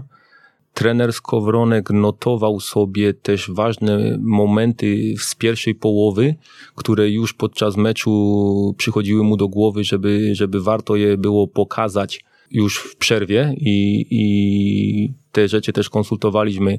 Ja prowadziłem swoje notatki, trener swoje, plus analityk też miał swoje spostrzeżenia, które ja już znałem, bo byliśmy w stałej łączności, ale też przedstawialiśmy je, my je trenerowi w tym pierwszym momencie, kiedy, kiedy schodziliśmy do szatni. Dodatkowo ja też byłem odpowiedzialny za komunikację z pozostałymi członkami sztabu. Ja rozmawiałem z trenerem Kmiecikiem, jakie ma wnioski, ja rozmawiałem z trenerem, z trenerem bramkarzy y, Grzesiem Żmiją, ja rozmawiałem z Piotrem Jankowiczem, co widzi analizując nasze dane motoryczne online. I ja te najważniejsze informacje oczywiście wybierałem, selekcjonowałem i przekazywałem trenerowi, żeby, żeby nie było czegoś takiego, że po kolei ktoś tam do trenera dobiega i przekazujemy, przekazujemy mnóstwo informacji i, i robi się z tego po prostu taki chaos. No właśnie, tak sobie pomyślałem teraz, y, czy warto w trakcie meczu dyskutować z pierwszym trenerem. Asystent cały czas dyskutuje i w jakiś sposób to trochę tak jak z komentatorem. E, Tomek Pasieczny u nas też mówił o tym, że e, warto obejrzeć mecz bez komentarza, jeżeli chcemy w jakiś sposób przeanalizować grę zawodnika czy, czy jakąś taktykę, e, no bo wtedy mamy swoje wnioski, tak, a nie takie, które zasugerował nam komentator. I takie pytanie w, w odniesieniu do sztabu właśnie, czy to nie jest trochę tak, że jak ty podpowiadasz w szóstej minucie trenerowi Skowronkowi coś, co zauważyłeś, no to on na pewno będzie gdzieś tam bardziej na to zwracał uwagę i powie tak, faktycznie jest, e, bo wtedy jest łatwiej to zobaczyć, nie? Ja myślę, że tutaj dobrą strategią i takim powiedzeniem jest e, mniej znaczy więcej, czyli na pewno, na pewno nie, nie ten sposób, żeby, żeby biegać co chwilę, przekazywać bardzo ważne informacje, szczególnie jeśli to są informacje, które mogą zapobiec e, stracie bramki, bo na przykład jest jakiś, jakiś błąd ustawienia, czy, czy coś, co się powtarza i, i może do tego spowodować, chociażby błąd ustawienia przy stałych fragmentach gry i na przykład muszę e, te informacje przekazać ja zawodnikowi, czy, czy, czy właśnie pierwszy trener. Myślę, że też czasami trener sam pewnych informacji chce i u nas był taki moment, kiedy, kiedy Artur przychodził na przykład do nas na ławkę, siadał, bo chciał pewne rzeczy usłyszeć od nas, czy my to widzimy podobnie, czy tylko, czy tylko mhm. może, może on to widzi, więc wtedy jak najbardziej ale tak jak, tak jak powiedziałeś, nie, na pewno nie tak, że, że jesteśmy cały czas, y, czy to z Dominikiem na, na, na słuchawce i cały, cały mecz y, przegadaliśmy, czy, czy tym bardziej bieganie do pierwszego trenera co, co parę minut z jakąś kolejną uwagą. Gdzieś też zdaje się, że w tym kursie ciągle o, o, nim wspominam. No chyba, chyba tam właśnie powiedziałeś o połączeniu z fizjoterapeutą, też przez słuchawki, o tym, że zawsze 10-15 sekund zyskiwaliście, gdyby była jakaś informacja o kontuzji czy coś w tym stylu. Na takie szczegóły nawet zwracaliście uwagę? Tak, nie zawsze, nie zawsze to było możliwe. Nie zawsze mieliśmy taki system, gdzie, jak sobie pamiętam, żeby, żeby pracować, ale czasami nawet, nawet takie połączenie telefoniczne, gdzie, gdzie fizjoterapeuta ma telefon schowany, schowany w kieszeni i tylko słuchawkę na uchu, pozwalało już od razu uzyskać informacje na ławce, szczególnie w meczach, gdzie, gdzie był pełny stadion, gdzie ta interwencja fizjoterapeutów mogła być bardzo daleko od ławki rezerwowych. Już to pozwalało nam uzyskać takie informacje, czy ten zawodnik, który, który jest kontuzjowany, wróci do gry, czy na przykład od razu musimy przygotowywać zmiany. Jest to kilka sekund, ale w, patrząc na mecz, może to nam dać e, jedną akcję bo jednego zawodnika mniej, czy, czy, czy w równowadze liczebnej, bo, bo zdążymy szybko dokonać zmiany. Mhm, Okej, okay. i teraz przechodzimy do przerwy. Zaczyna się ta przerwa. Dajecie chwilę zawodnikom, żeby się e, sami podzielili swoimi wnioskami. Nie wchodzicie tam, czy, czy, czy jak to wygląda? Tak, u nas tak to wyglądało, że te pierwsze minuty to był czas na rady sztabu, a w drużynie to był czas e, dla zawodników na, na regenerację, czas na rozmowę i też praca sztabu medycznego gdzie, gdzie fizjoterapeuci i lekarz zbierali szybko informacje, czy nic się nie dzieje w temacie zdrowia, czy my nie musimy szukać już od razu w przerwie jakiejś zmiany niezaplanowanej, bo jakiś zawodnik jest kontuzjowany. Więc te pierwsze minuty to, to, to tak wyglądało, jak powiedziałeś. W którym momencie wchodziliście? Plus minus myślę, to była trzecia, czwarta minuta przerwy. Mhm, czyli szybko w miarę. No i um, ile tam um, dywagowaliście jeszcze, rozmawialiście z zawodnikami? Jak to wyglądało? Mm, przede wszystkim taka ta główna część, gdzie, gdzie, gdzie przemawiał Artur, trwała myślę około 5 minut. Najczęściej wybierał dwa, trzy fragmenty wideo które chciał zobrazować i pokazać, pokazać zawodnikom. Nie tylko oczywiście te złe momenty, ale też te momenty, których realizujemy, realizujemy bardzo dobrze nałożoną taktykę i dzięki którym możemy, możemy odnieść zwycięstwo. E, jeśli to było konieczne, prosił nas po tej swojej rozmowie ewentualnie o jakieś indywidualne uwagi do wybranych zawodników. No i na tym tak naprawdę kończyła się przerwa, została już tylko motywacja na drugą połowę i zawodnicy jeszcze mieli chwilę dla siebie i już wychodziliśmy na, na drugą połowę. No powiedz jeszcze jak przygotowanie sprzętu, bo tutaj istot... mówisz o takich szczegółach, o takich e, ramach czasowych, gdzie 3-4 minuty robią różnicę, więc powiedz jak to wyglądało z perspektywy takiego, nie wiem, e, właśnie projektora, który czasami się lubi włączać przez minutę, albo, mm, albo właśnie nawet plików roboczych. Tak wiemy, że wideo zajmuje czasami sporo e, miejsca i zanim e, jakiś tam fragment się wyrenderuje, czy przekopiuje nam na jakiś pendrive, może, to, może to nam rozwalić totalnie plan, prawda? Tak, to wszystko jest zależne po prostu od możliwości finansowych i od poziomu, od poziomu rozgrywkowego, na jakim pracujemy. Im wyższy poziom, tym oczywiście jest łatwiej, bo mamy, mamy lepszy sprzęt, lepsze oprogramowanie. Teraz programy umożliwiają już takie tagowanie meczu online i wysyłanie od razu informacji, informacji na ławkę to różnie, różnie było. Czasami, już pamiętam nawet w Miedzi Legnica, kiedy, kiedy wspierał nas e, swoją wiedzą analityczną Sławek Morawski, robiliśmy w najprostszy możliwy sposób. Po prostu przechwytywaliśmy wideo albo nagrywaliśmy swoje wideo i trzeba było w 40 minucie schodzić do szatni, podłączyć wszystko. To robił oczywiście analityk Sławek i mieliśmy zapisane, czy on miał zapisane dokładnie co do sekundy czas, który chcieliśmy pokazać z meczu i to trwało naprawdę krótko, wystarczyło tylko przewinąć na dany moment moment i, i, i pokazać fragment.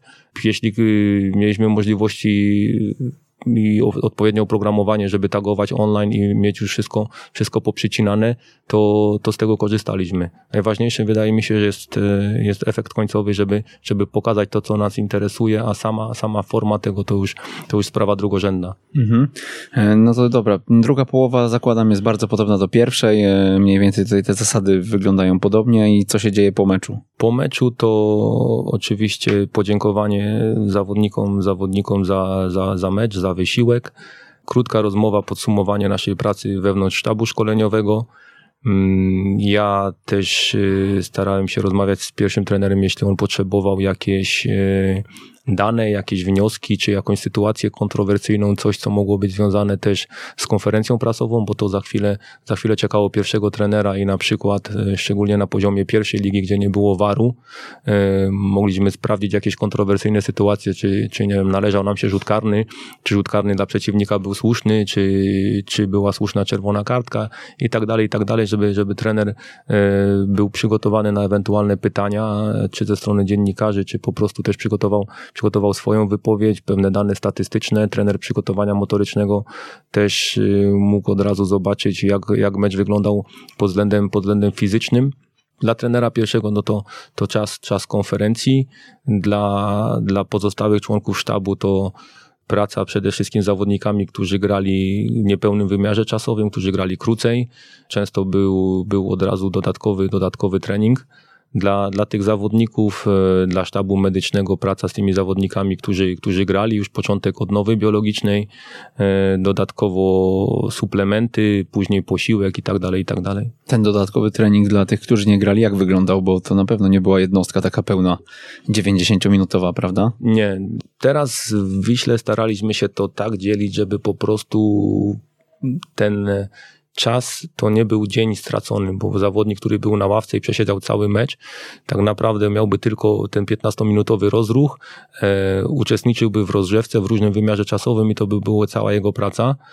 Piotrek Jankowicz zajmował się właśnie tym treningiem i to był taki trening kształtujący wytrzymałość, ale to już nie był jakiś trening o bardzo wysokiej intensywności z tego względu, że na drugi dzień y, był taki pełnym, pełnym czasie trening, trening wyrównawczy. Dla nich. Gdzie, mhm. Dla nich, gdzie, gdzie występowały elementy małych gier, gdzie występowały elementy właśnie wytrzymałości specjalnej.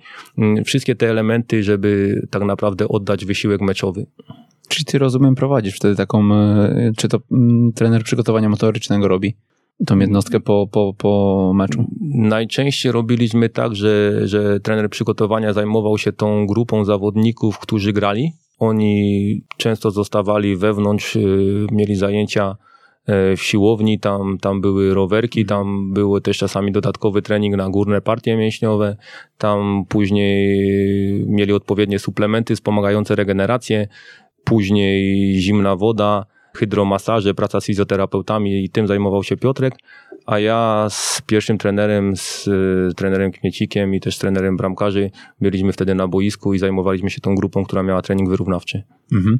A jak wyglądała sprawa analizy później? E, wsiadaliście do autokaru z wyjazdu, wracaliście, to już e, ten mecz trzeba było opracowywać, czy wtedy robiłeś sobie już taki, no dobra, po ciężkim tygodniu trzeba w końcu odpocząć i, i, i odpoczywałeś właśnie? To była mogę tak powiedzieć, że to był bardziej taki pierwszy, pierwszy etap analizy. To była taka analiza związana tylko i wyłącznie z kluczowymi momentami, z przejrzeniem statystyk, zobaczeniem chociażby bramek czy, czy kontrowersji, ale raczej, bo to też nie było regułą, bo to było zależne od tego, kiedy, kiedy był następny mecz i też jak późno skończyliśmy ten mecz, który, o którym mówimy, ale raczej chcieliśmy unikać takiej analizy, że, żeby teraz ten mecz jak najszybciej, jak najszybciej już zamknąć, żeby siedzieć teraz do pierwszej, drugiej w nocy i na, na szybko wnioski gdzieś w autobusie, gdzie ten komputer cały czas, cały czas lata i tak naprawdę każdy już jest zmęczony i fizycznie i psychicznie, bo taki mecz też, też dla trenerów to, to, to sporo emocji i raczej chcieliśmy taką pełną analizę robić kolejnego dnia, gdzie, gdzie wypoczęci, e, gdzie nie goni nas czas, możemy ten mecz, ten mecz zobaczyć e, nie tylko jeden raz, a czasami dwa, trzy razy i, i skoncentrować się na tych najważniejszych fragmentach. Czyli w ogóle rozumiem z piłkarzami nie dyskutowaliście o takich konkretach, tylko to było podziękowanie za mecz i i jechaliście ba do domu. Bardzo rzadko. Mhm. Wydaje mi się, że takie, takie dyskusje po meczu, szczególnie kiedy mecz jeszcze jest nieudany, łatwo o błędne wnioski i w trenerze jest dużo emocji, w zawodnikach jest dużo emocji. Wydaje mi się, że lepsze i bardziej jakby merytoryczne dyskusje, dyskusje toczą się kolejnego dnia. Mhm. Na ile pozwalaliście podczas tych powrotów, jeśli chodzi o jakąś tam wygraną, przegraną, jak to wyglądało? Wydaje mi się, że tutaj na poziomie Wisły jakby w ogóle nie było tego tematu, bo drużyna była, drużyna była tak profesjonalna, że my tak naprawdę nie musieliśmy na nic, na nic pozwalać, bo nikt o nic nie pytał. Wszyscy byli skoncentrowani na robocie. Też yy, bardzo się zgadzam ze słowami właśnie trenera Piotra Nowaka, jak mówił na temat, na temat piwa i mówił na temat zachowania. Ja też uważam, że piwo nie jest, nie jest żadnym problemem, w sensie w Polsce tylko jest taki mit, że nie wiem, nauczyciel pijący piwo na rynku to jest, to jest skandal a tak naprawdę możesz mieć 40 lat, wypić małe piwo i, i nie widzę w tym nic złego. Tak samo zawodnik pijący, pijący jedno piwo gdzieś za granicą to też nie jest, nie jest, nie jest nic złego. Aczkolwiek tutaj przede wszystkim chodzi o takie sprawy wizerunkowe. Zawodnik to jest y, element marketingu klubu, nosi koszulkę klubową, nosi, nosi dres klubowy. Gdzieś pijący piwo to na pewno, na pewno nie robi, nie robi dobrej reklamy wydaje mi się czasami, czasami myślę, że mogę o tym powiedzieć, tak, tak robiliśmy w Miedzi Legnica. Dobrym rozwiązaniem jest, kiedy zawodnik po dobrej pracy, też nie jakby systematycznie, ale od czasu do czasu może wypić to piwko przysłowiowe czy lampkę wina, ale od razu po meczu gdzieś w restauracji, gdzie mamy wydzielone, wydzielone miejsce na jakiejś sali, gdzie, gdzie nie ma pozostałych, pozostałych osób i, i wtedy spokojnie wracać do domu. Myślę, że, że takie wesołe, wesołe autobusy to już, to już w, piłce, w piłce nie funkcjonują, chyba że ktoś zrobił awans, wygrał Puchar Polski czy, czy, czy mistrzostwo, to, to, wtedy, to, to, to wtedy myślę jak najbardziej. To powiedz jeszcze, bo już się zbliżamy niestety do końca, ale jakbyś mi powiedział, jak reagujesz na jakąś pomyłkę pierwszego trenera, czyli prowadzi odprawę, Mm, no i, i jakiegoś tam babola e, przysłowiowego rzuci. Ty wiesz, że się pomylił, zawodnicy czują, tak, ale, ale gdzieś tam, no właśnie, czy zwracać uwagę, czy, e, czy jak to wyglądało u ciebie? Wydaje mi się, że to za, zależy, zależy od kontekstu. Jeśli ta mhm. pomyłka może mieć e, jakieś znaczenie dla, dla drużyny, dla tego, co chciał przekazać pierwszy trener, to, to delikatnie, kiedy, kiedy jestem blisko niego, mogę, mogę to zasugerować, ale jeśli to jest tylko taka pomyłka związana z jakimś przejęzyczeniem, czy, czy takim błędem, błędem nieznaczącym, to myślę, że, że, to nie jest, że to nie jest nic złego i, i nie trzeba w ogóle w takie coś ingerować. Powiedz, co jest Twoim zdaniem najważniejszego w profesjonalnej szatni seniorskiej na poziomie ekstraklasy czy pierwszej ligi? Wydaje mi się, że najważniejsze jest zaufanie, bo jeśli jest wzajemne zaufanie trenera do zawodników, zawodników do trenera, e, osób, które rządzą zarówno do trenera, jak i do, do, też do zawodników, wtedy o wiele rzeczy, o wiele rzeczy jest łatwiej, ponieważ e, porażka na pewno się zdarzy. Ona się zdarza najlepszym drużyną, ale też dzięki tylko i wyłącznie mi się wydaje zaufaniu i dobrej pracy można przełamywać pewne kryzysy, odnosić sukcesy i tak dalej, i tak dalej prezent musimy wprowadzić jeszcze. Mamy jeszcze półtorej minuty, ale powiedz, co przygotowałeś dla naszych słuchaczy? Przyniosłem ze sobą dwie rzeczy. Jedna to mój konspekt, który nie, nie jest przygotowywany specjalnie na tą okazję, a przygotowywałem go wcześniej jeszcze, uczestniczyć, kiedy uczestniczyłem w kursie UEFA Pro. To był konspekt, który, temat tego konspektu został, został narzucony przez szkołę trenerów, ja go realizowałem i też myślę, że to jest konspekt taki na czasie, ponieważ w tytule i w zadaniu treningowym, które utrzyma, otrzymałem jest gra przeciwko zespołowi, który gra 5-4-1 z obroną niską i perfekcyjnie kontratakuje i tam są przedstawione środki treningowe, jak e, ja chciałem grać i jak chciałem trenować. Konspekt Grając, zaliczeniowy to był Tak, to był konspekt mhm. zaliczeniowy, który, który, który został, został pozytywnie oceniony, więc też on jest w takim szablonie właśnie, jaki, jaki w tym czasie, te dwa, dwa i pół roku temu e, preferowała szkoła trenerów. A drugim, drugim prezentem to jest taka krótka prezentacja na temat, jak wyglądał w moim ostatnim klubie rozkład analiz meczowych e, w takim klasycznym mikrocyklu sobota-sobota. Chodzi tylko o to, co, co oglądali zawodnicy, w jaki dzień, a nad czym pracował sztab każdego dnia, jeśli chodzi o analizy. Super, jeśli jesteście na naszej liście mailingowej, to otrzymacie te prezenty mailem, e, linki do nich do, tak dokładnie, a jeśli nie, to ekstratrener.pl ukośnik newsletter, tam znajdziecie wszystkie informacje. E, no to już ostatnie pytanie. Powiedz, który odcinek Jak uczyć futbolu Ci się spodobał najbardziej i e, co z niego wyciągnąłeś? To jest, to jest bardzo trudne pytanie i trochę, trochę odpowiem, odpowiem wymijająco. Miałem kiedyś takiego znajomego, który, który używał takiego zwrotu, nie żeby ci kadzić, ale tu, tu Przemek do ciebie to bardzo, bardzo pasuje, bo, bo to naprawdę to jest takie kadzenie, ale, ale te odcinki oceniam bardzo wysoko i, i ja z każdego odcinka staram się coś dla siebie, dla siebie wyciągnąć. E, przede wszystkim interesują mnie odcinki związane z piłką seniorską, bo to jest poziom, na którym pracuję ale chociażby no, samych trenerów, z którymi miałem okazję pracować albo znam, bardzo, bardzo pozytywnie oceniam odcinki, czy, czy z Dominikiem Nowakiem, czy, czy z Arturem Skowronkiem, z Radkiem Bellą, e, z Pawłem Grycmanem, który mówił o szkoleniu, ale, ale mówił bardzo ciekawie i, i naprawdę na bardzo wysokim poziomie. Wspomniałem o ostatnich odcinkach z trenerami ligowymi, e, którzy mówią o, o, o życiu szatni, o takich prawdziwych problemach, którymi, z którymi, którymi um, musi zmierzyć się trener, czyli, czyli z Piotrem Tworkiem i, i z Piotrem Nowakiem. E, tych odcinków naprawdę mógłbym wymienić bardzo dużo z Sławkiem Morawskim odcinek. No, nie chciałbym nikogo pominąć, bo, bo tak jak mówię, czerpię z nich wiedzę i, i bardzo, bardzo jestem Wam wdzięczny za tą pracę. Super, miło bardzo słyszeć i my jesteśmy bardzo wdzięczni za wizytę, bo e, myślę, że kolejny fajny odcinek możemy do swojego portfolio dołożyć. Grzegorz Mokry. Bar bardzo dziękuję i pozdrawiam wszystkich słuchaczy. My również pozdrawiamy. To był 144 odcinek Jak uczyć futbolu. Do usłyszenia. Na audycję zaprasza Tymbark, główny sponsor turnieju z podwórka na stadion o Puchar Tymbarku. Słuchaj nas na weszło.fm.